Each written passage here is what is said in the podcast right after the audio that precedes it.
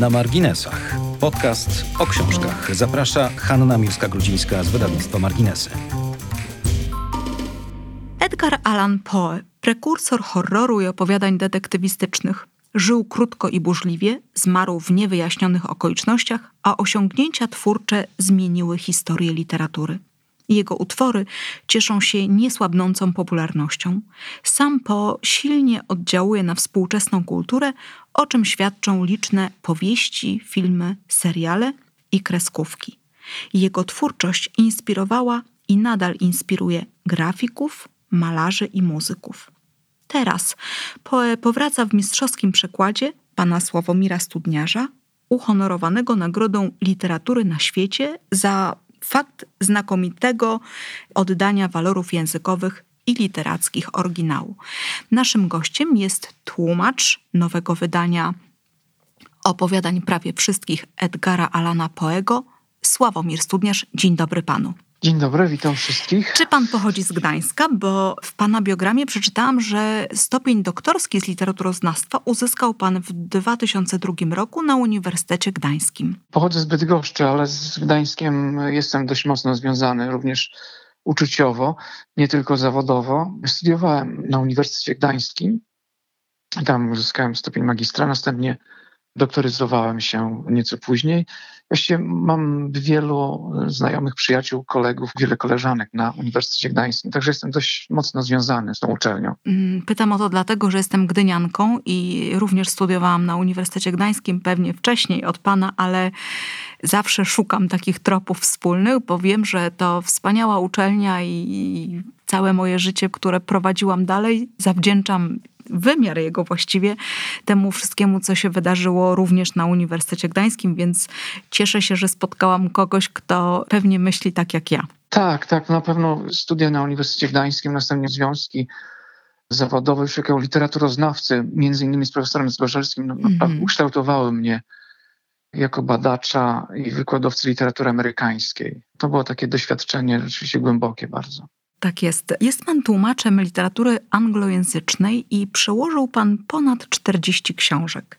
W pracy naukowej zajmuje się pan relacją między brzmieniem a znaczeniem w poezji nie tylko amerykańskiej, ale również w wierszach Becketa. Ma pan wiele obszarów zainteresowań badawczych, między innymi też twórczością Pola Ostera. A proszę powiedzieć, co się takiego stało, że właściwie kawał części życia i pana pracy zawodowej zajął panu Edgar Allan Poe? W zasadzie e, przesądził o tym temat mojego doktoratu. Mhm. Powróciłem e, do tych opowiadań po latach, które minęły już od czasu studiów i stwierdziłem, że no, jest to jakiś taki fascynujący obszar do badań.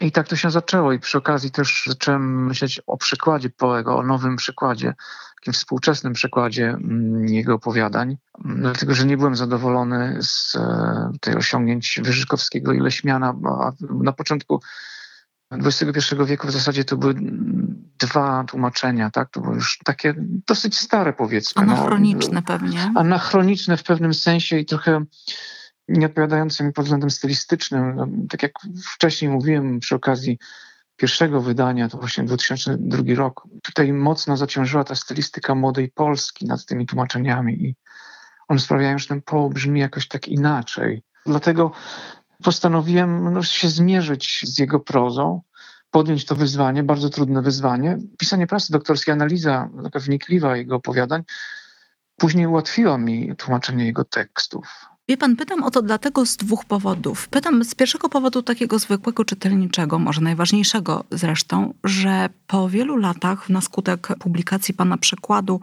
wróciłam do tych opowiadań i przyznam, że zupełnie nie spodziewałam się, jak ogromne zrobią ponownie na mnie wrażenie oraz jak są niezwykłe. Pewnie minęło trochę lat i mogłam znowu docenić te walory, ale też zastanawiam się od tej pory, jak to jest, że po przecież 200 latach, kiedy już świat się zmienił kompletnie, no w każdej dziedzinie, w dalszym ciągu zachwycamy się tą twórczością i jest ona dalej świeża, czerpiemy z niej, a co najważniejsze, czego jestem przykładem i pewnie pan dobrze mnie zrozumie, dalej boimy się czytając opowiadania, przeżywamy je, widzimy je, staramy się oczywiście czytając wyobrazić sobie te sytuacje i szczerze mówiąc zmierzamy do końca, żeby już jak najszybciej wiedzieć jak to się skończy i już nie przebywać w tym towarzystwie mm, bohaterów opowiadania ze strachu.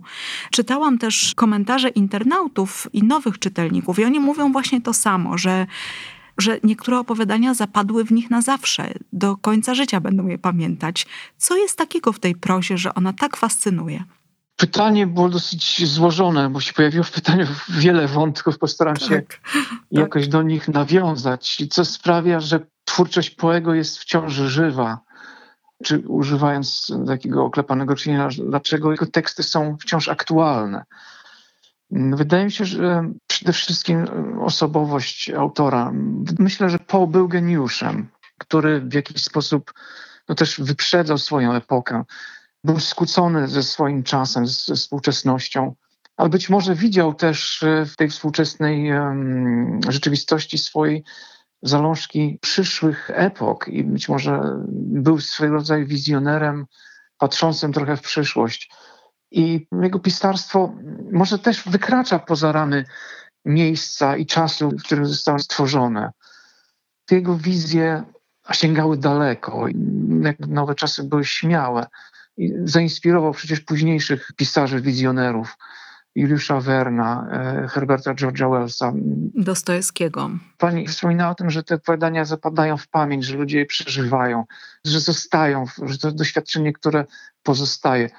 Sam Dostojewski też był zachwycony opowiadaniami Poego i cenił go za tą wyobraźnię, za tą niezwykłą e, jakby e, plastyczność, barwność, wyrazistość tych sytuacji opisywanych, wymyślonych i też oddanych w takich szczegółach i takim językiem.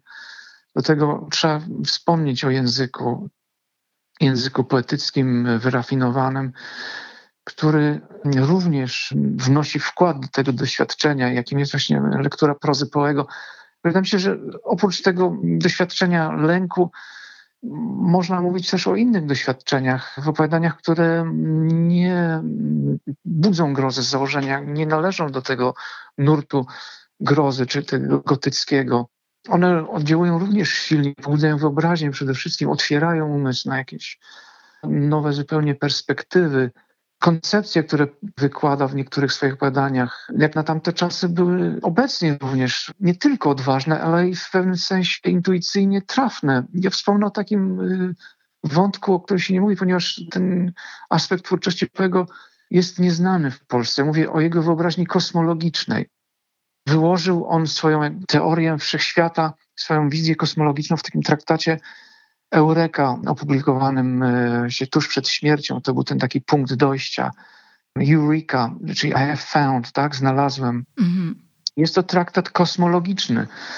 Poemat prozą, jak sam Poe określa, ale wielu fizyków dwudziestowiecznych odwoływało się do tego traktatu. Proszę sobie wyobrazić siłę wyobraźni, intuicji i tą umysłowość Poego, który nie mając do dyspozycji takich danych, jakie teraz są udziałem naukowców, potrafi stworzyć taką wizję, która jakby zainspirowała współczesnych kosmologów. Właśnie teoria wielkiego wybuchu na przykład. No, to są to rzeczy niesamowite, naprawdę. No, tutaj gdziekolwiek, którykolwiek wątek, nurt w prozie po, po jego poruszymy, to zobaczymy, jaki to znalazło jakby odzwierciedlenie, jakby kontynuację w, w, późniejszych epokach i właśnie na różnych polach, bo nie tylko literaturze, ale również na polu nauki. Zdecydowanie i myślę sobie, że on to chyba wiedział, konstruując te opowiadania w taki sposób, że one często są po prostu niewielkie bo nie da się tej prozy czytać w taki sposób jak powieści fabularnej. Każde opowiadanie jest zamkniętą całością, mimo że czasami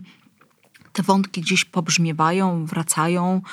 Na temat konstrukcji tego tomu jeszcze opowiemy, ale tak jakbyśmy nie mogli udźwignąć dużej formy. Ona jest tak gęsta, tak niesamowita, taka, mm, że trzeba ją po prostu przeżyć, że tylko to, że jest krótka, ratuje czytelnika przed tym, żeby no, nie poszedł za daleko i żeby nie odłożył po prostu tej książki. Tak jest gęsta, tak niesamowita zupełnie. Ale to może być też sekret ich oddziaływania. To też jest przemyślany efekt. Wynika to z koncepcji estetycznej opowiadania, którą głosił Allan Poe. On był w ogóle zwolennikiem krótkich form wypowiedzi, mhm. takich, które można przyswoić podczas jednego posiedzenia. Czyli opowiadanie, które można przeczytać od początku do końca, siadając, nie przerywając, nie wstawając, nie odkładając. Chodziło po prostu o to, żeby tego odbiorcę wciągnąć w ten świat i go w tym świecie zatrzymać do samego końca. Chodzi tu też o pewną ciągłość doświadczenia estetycznego.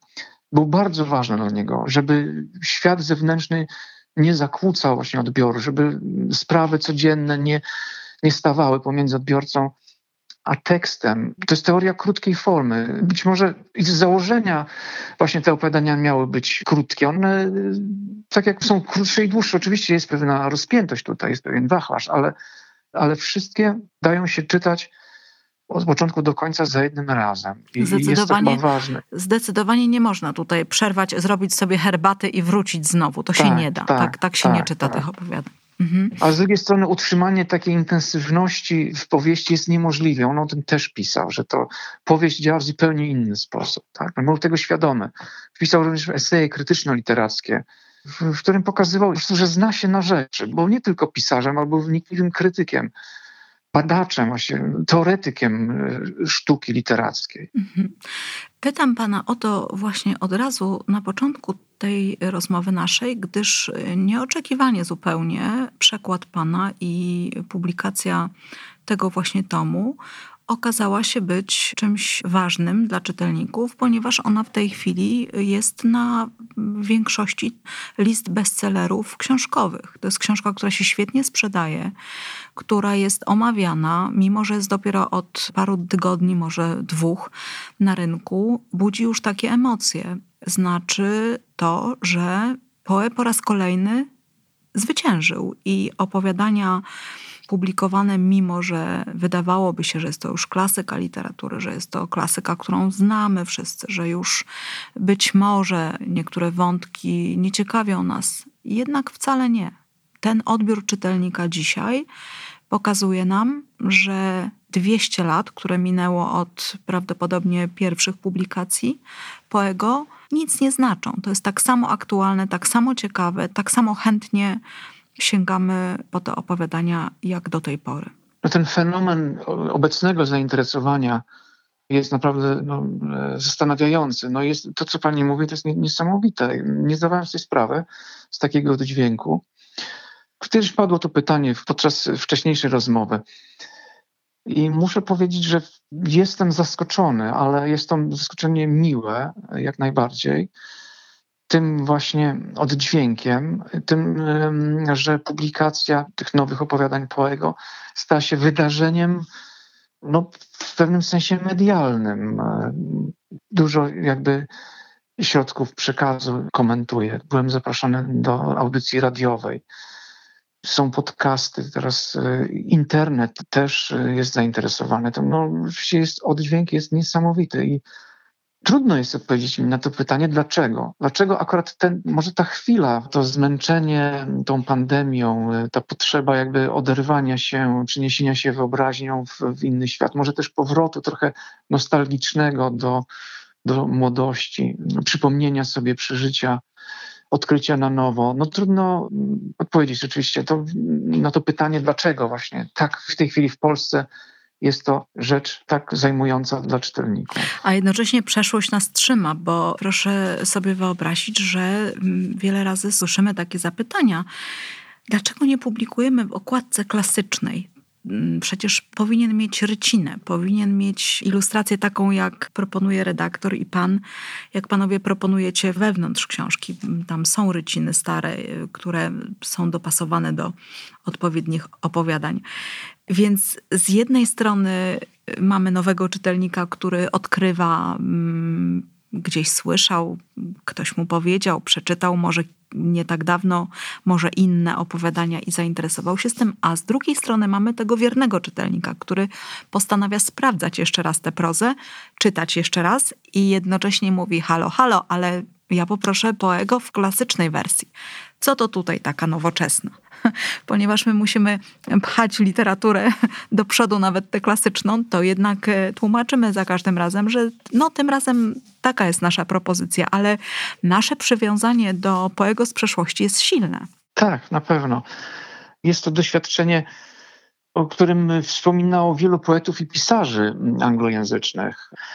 Jak silnie oddziałało na nich to zetknięcie się, odkrycie tego w, czasach tej młodości i wielokrotnie potem jakby nawiązywali do tego. Poe jest obecny nieustannie w tej tradycji literackiej, anglojęzycznej, właśnie za sprawą fascynacji autorów, którzy nie wahają się nie, o tym wspominać. A teraz sprawdził się na ten czas trudny, popandemiczny, mam nadzieję już trochę.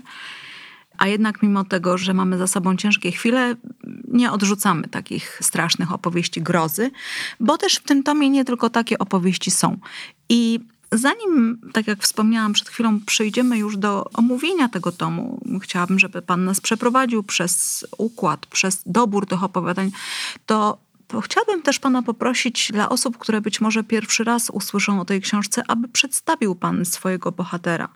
Kto to był Edgar Allan Poe i co mu zawdzięczamy? Dlaczego dzisiaj w tej rozmowie też powołujemy się na, na jego obecność w kulturze tak szeroko? Skąd się wziął, gdzie się urodził, dlaczego tak krótko żył i co stworzył?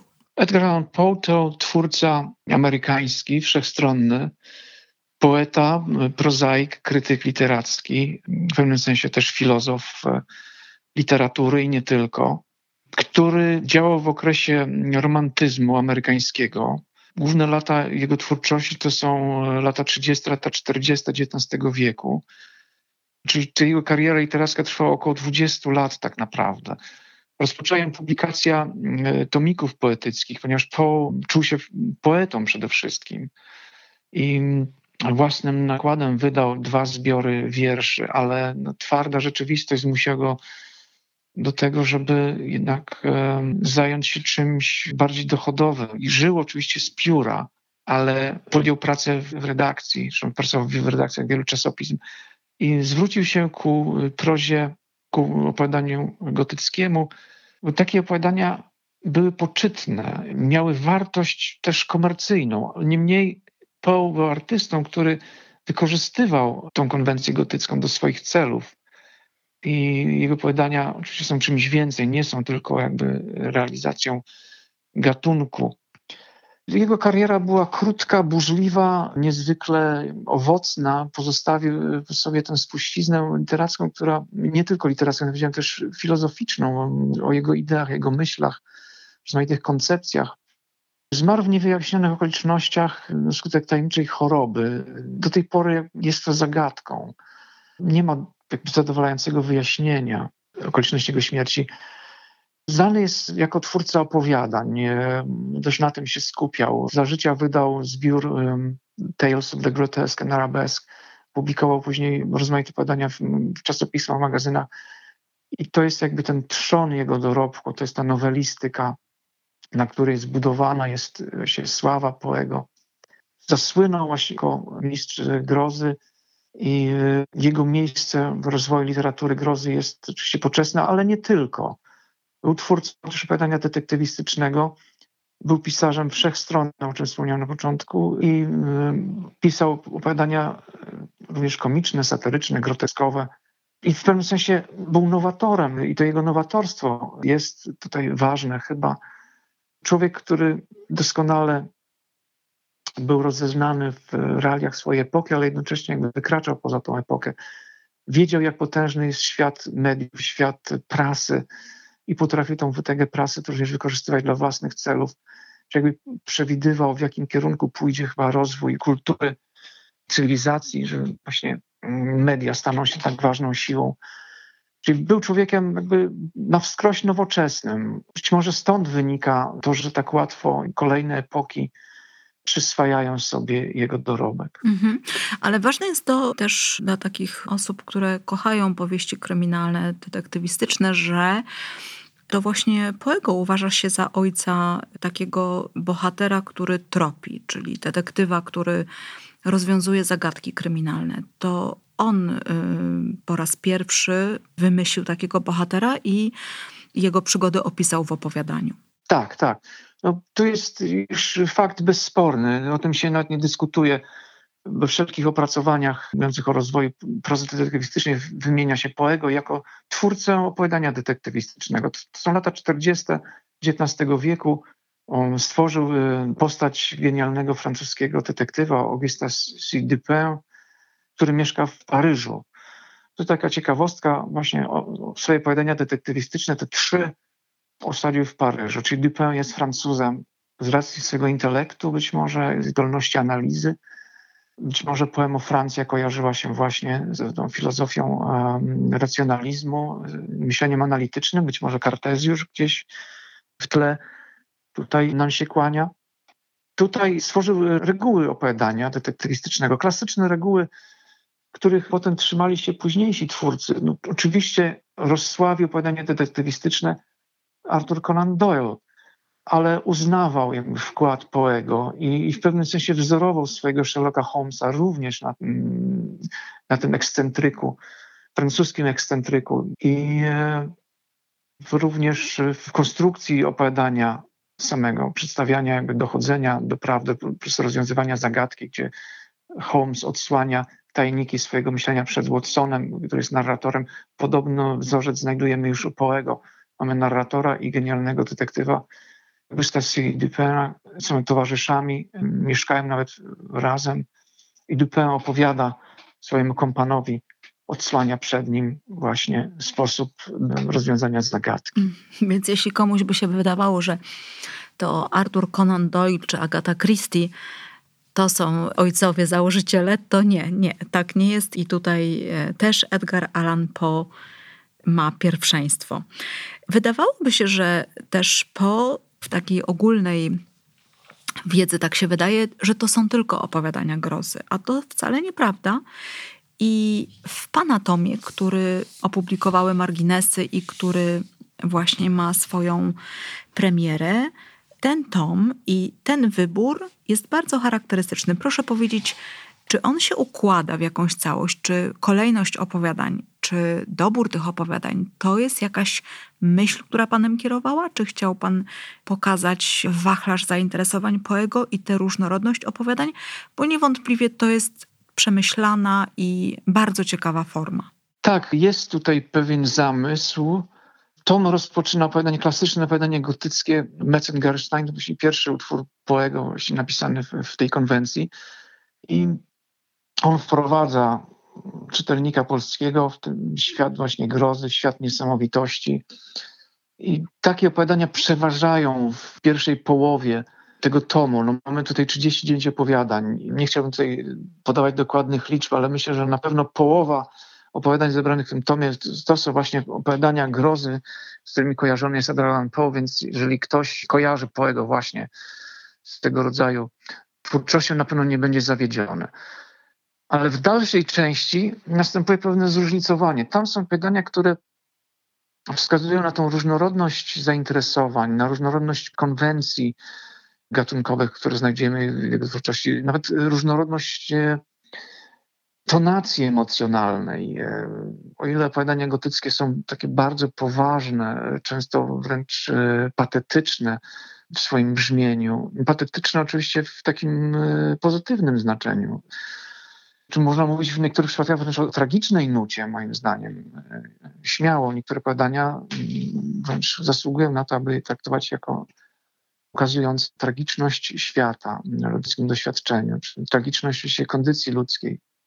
Ale tak jak mówię, w dalszej części pojawiają się opowiadania, które no, troszeczkę odbiegają od tej formuły. Niekiedy są to opowiadania, które balansują na tej granicy między powagą a komicznością. E, są dość niepokojące w odbiorze. Na przykład opowiadanie Podłużna skrzynia, gdzie mm, sytuacja jest e, taka dosyć makabryczna, kiedy mm, tutaj podczas rejsu statkiem okazuje się, że przyjaciel narratora w ukryciu przewozi trumnę e, swojej ukochanej. Jak mhm. dalej dalsze wypadki są też dość makabryczne, ale to wszystko jest tak opisane w taki sposób no, z przymrużeniem oka.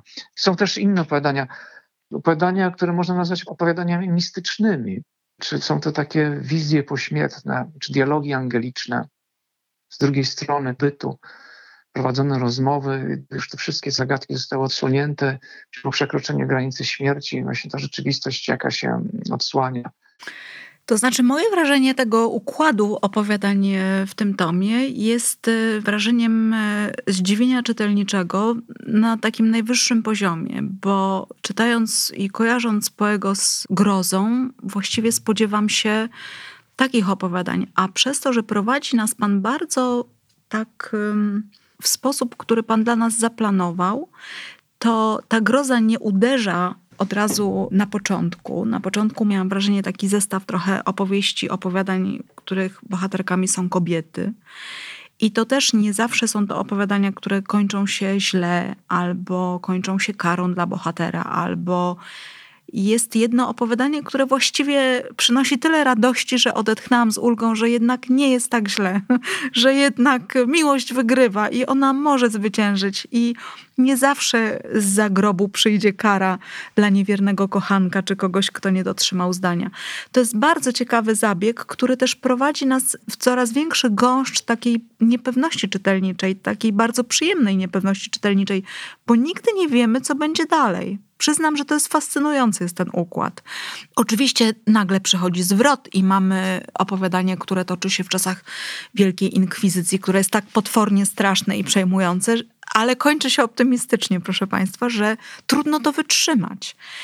Niezwykły jest ten układ i myślę, że jednak zamierzony przez Pana, że tym się też Pan kierował, przygotowując te opowiadania właśnie w takiej kolejności. Tak, przypomniała mi Pani właśnie y, o tych opowiadaniach z kobiecymi bohaterkami, mamy imiona w tytułach.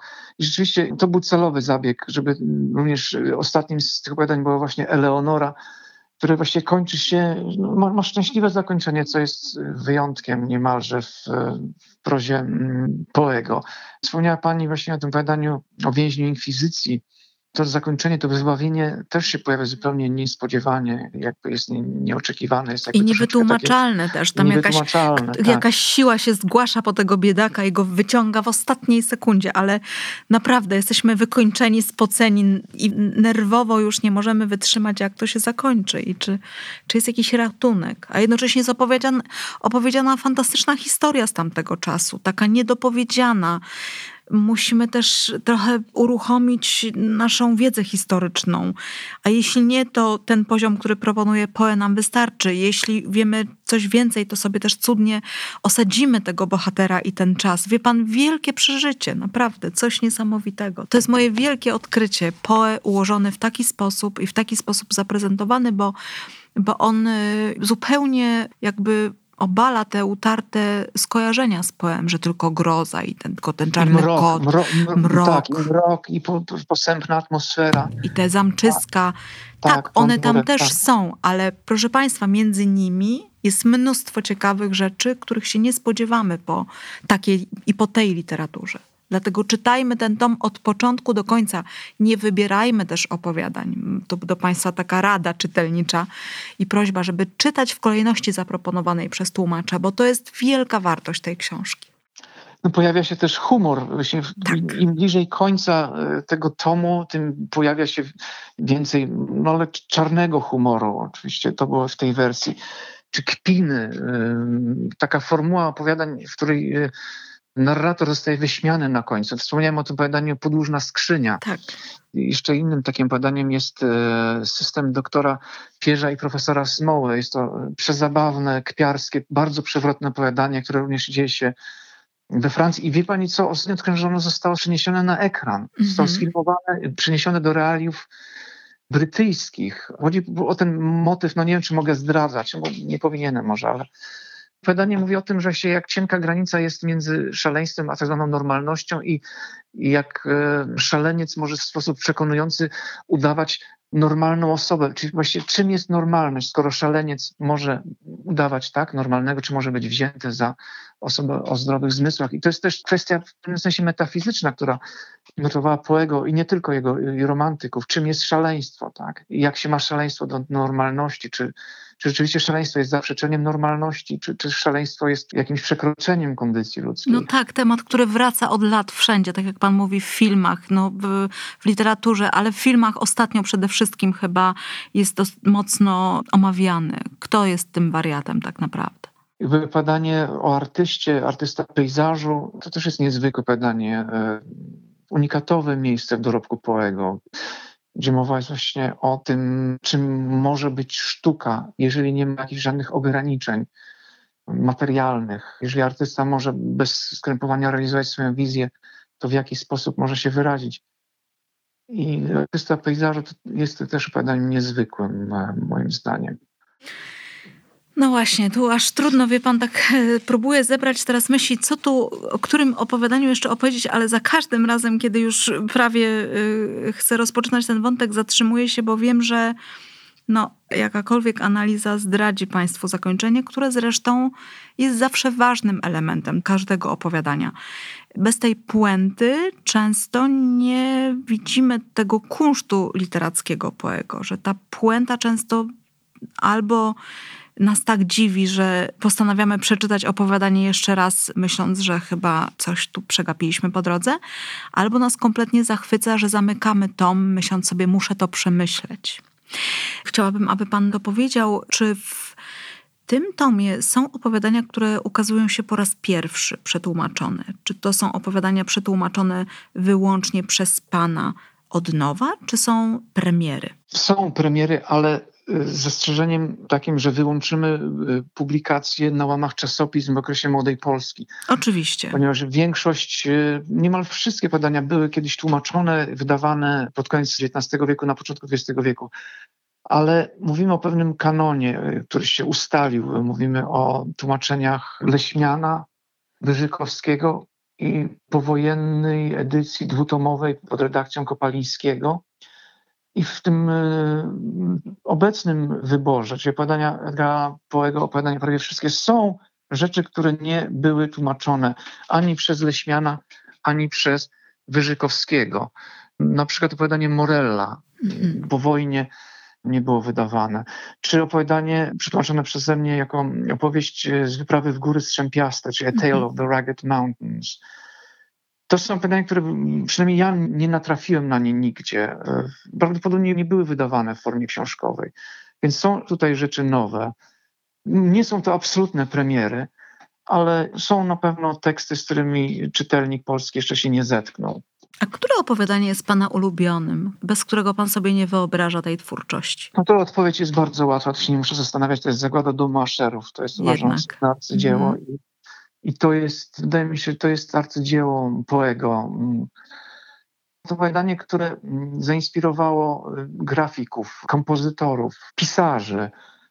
Czyli ono silnie oddziałuje. Jest nawet znakomity y, film animowany, 15-minutowy, dostępny na YouTube. No, znakomita wizja plastyczna, czyli Zagłada do Maszerów w wersji animowanej. Y, narratorem jest Christopher Lee. No fantastyczna sprawa, fantastyczna rzecz. Jest to y, opowiadanie napisane przepięknym językiem. Tutaj no, Poe wznosi się na wyżyny kunsztu.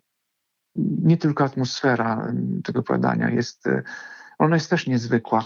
No, to jest pytanie, do którego można wracać wielokrotnie. Ja no, jako tłumacz zwróciłem do niego i tutaj muszę się przyznać, że przetłumaczyłem je jakby na nowo. To znaczy tak zmieniłem, poprawiłem pierwszą wersję tego opowiadania, że no niemalże jest to teraz jakby nowa, poprawiona wersja. Także to było opowiadanie, które moim zdaniem zasługiwało na to, żeby, żeby zmierzyć się z nim raz jeszcze, żeby to całe piękno z niego wydobyć również w warstwie słownej. Czy ta recepcja Edgara Alana w Polsce jest podobna do recepcji światowej? Czy widzi Pan zainteresowanie poem również w innych literaturach, u naszych sąsiadów? Czy to jest tak, że Polacy wy, wyjątkowo kochają te, te opowieści, czy on jest ogólnoświatowym, dzisiaj czytanym pisarzem? Jeżeli mówimy o odbiorze czytelników, to to jest trend ogólnoświatowy. Wydaje mi się, że Poe jest znany na całym świecie i chętnie czytany. Natomiast inną kwestią jest jakby odbiór Poego na takim poziomie jakby literaturoznawczym, to znaczy postrzeganie Poego jako pisarza, jako twórcy. Muszę powiedzieć, że w Polsce Poe, y, przynajmniej w kręgach amerykanistycznych, nie jest szczególnie wysoko ceniony. Wydaje mi się, że na to ma wpływ y, to stanowisko anglosaskich elit literackich. Tutaj trzeba wspomnieć o, o tym, że miejsce Poego w kanonie literatury amerykańskiej wcale nie jest takie pewne, wcale nie jest takie bezsporne, jakby nam się wydawało. Oczywiście ma swoich y, miłośników, zwolenników, badaczy, którzy poświęcają mu też całe swoje życie. W Stanach Zjednoczonych istnieje y, Towarzystwo Naukowe poświęcone właśnie temu pisarzowi i ma wielu, wielu oddanych y, naukowców, badaczy, którzy pracują nad tym niestrudzeniem, aby ten jego wizerunek oczywiście poprawić, czy odkłamać, pokazać, że Poe jest oczywiście twórcą wielkiego formatu. I jest kraj, którym recepcja Poego jest wyjątkowa i na poziomie czytelniczym, i na poziomie powiedzmy badawczym. To jest Hiszpania. No, trudno nam sobie wyobrazić właśnie popularność czy uwielbienie dla Poego w Hiszpanii i również w innych krajach hiszpańskojęzycznych, e, mówię tutaj o Ameryce Południowej. Opowiadania Poego tłumaczone są wielokrotnie. Mamy tutaj do czynienia z kilkoma współczesnymi tłumaczeniami ukazującymi się, czy to w Hiszpanii, czy w Argentynie. Jednym na przykład z tłumaczy Poego był sam Julio Cortázar, więc proszę sobie wyobrazić e, rangę Poego. Zresztą będąc na konferencji w Hiszpanii, miałem okazję spojrzeć na taką wystawkę, która towarzyszyła tej konferencji, gdzie zebrano rozmaite wydania w języku hiszpańskim, no to byłem zdumiony. No, to było coś niezwykłego. Na Uniwersytecie Castilla-La Mancha, w takiej miejscowości Albacete, prowadzone są studia i gromadzone są zbiory wszelkich wydań ilustrowanych Poego. No to jest niesamowita rzecz. Taki projekt badawczy, który no właściwie jest ukończony z tym, że no jakby pojawiają się nowe wydania ilustrowane, które są dołączane, ale cały projekt już jest jakby gotowy, on jest dostępny pokazujący to miejsce, bo to są głównie wydania hiszpańskojęzyczne, y, ilustrowane, przepięknie ilustrowane. To też świadczy o, o tym hołdzie, o uznaniu dla tego pisarza właśnie w tym kręgu tej literatury y, hispanojęzycznej. No, sukces y, tego tomu w Polsce być może sprawi, że i my sięgniemy do takiego pięknego, ilustrowanego wydania. Na razie, proszę Państwa, czytajmy prozę Edgara Alana Poego. Czytajmy tom opowiadania prawie wszystkie we wspaniałym po prostu przekładzie pana Sławomira Studniarza i rozkoszujmy się tą literaturą, bo nie dajmy się zwieść. To nie jest tylko literatura grozy. To jest wielkie miejsce, gdzie spotykają się różne gatunki, różne treści, różne formy różne opowieści, różne zakończenia, różne wstępy, zagadki, humor, wszystko. To wszystko jest w tych opowiadaniach i w y, dziele Edgara Alana Poego. Bardzo panu dziękuję. To wyjątkowo ciekawa rozmowa i dużo ciekawych rzeczy mogliśmy się dowiedzieć, aby już teraz lepiej zrozumieć te opowiadania. Czy tłumaczy pan dalej Edgara Alana Poego, czy już y, przerwa? Chwilowo zrobiłem sobie przerwę Myślałem o różnych projektach, ale no zobaczymy, bo nie, czy wydawnictwo Marginesy byłoby zainteresowane e, jakimś innym projektem, tłumaczenie jego prozy, być może esejów czy czegoś w tym rodzaju. Tak, będziemy o tym rozmawiać, będziemy śledzić rynek i na pewno nie będziemy blokować niczego, a wręcz przeciwnie, ponieważ widzimy, jak Państwo bardzo czekają na tego typu literaturę i na nowe przekłady i na klasykę w nowym wydaniu. Dziękuję Panu najserdeczniej, życzę wszystkiego dobrego, dobrej pracy i jak najczęstszego obcowania z Edgarem Alanem Poe. No, bardzo się cieszę tutaj za możliwość opowiedzenia o moim ulubionym pisarzu. No i było, też miło posłuchać tej e, osoby, która rzeczywiście odkryła tę prozę i która tak silnie przeżyła właśnie te opowiadania. To tak, też jest, no, jest niezwykłe, nas wielu. niezwykłe doświadczenie. Jest nas wielu. Jeszcze raz szalenie panu dziękuję i do zobaczenia. Dziękuję bardzo. Dziękuję. Do zobaczenia. To był podcast na marginesach. Dziękujemy za wysłuchanie. Znajdziecie nas na Spotify, Google Podcasts, Apple Podcasts i na stronie www.marginesy.pl.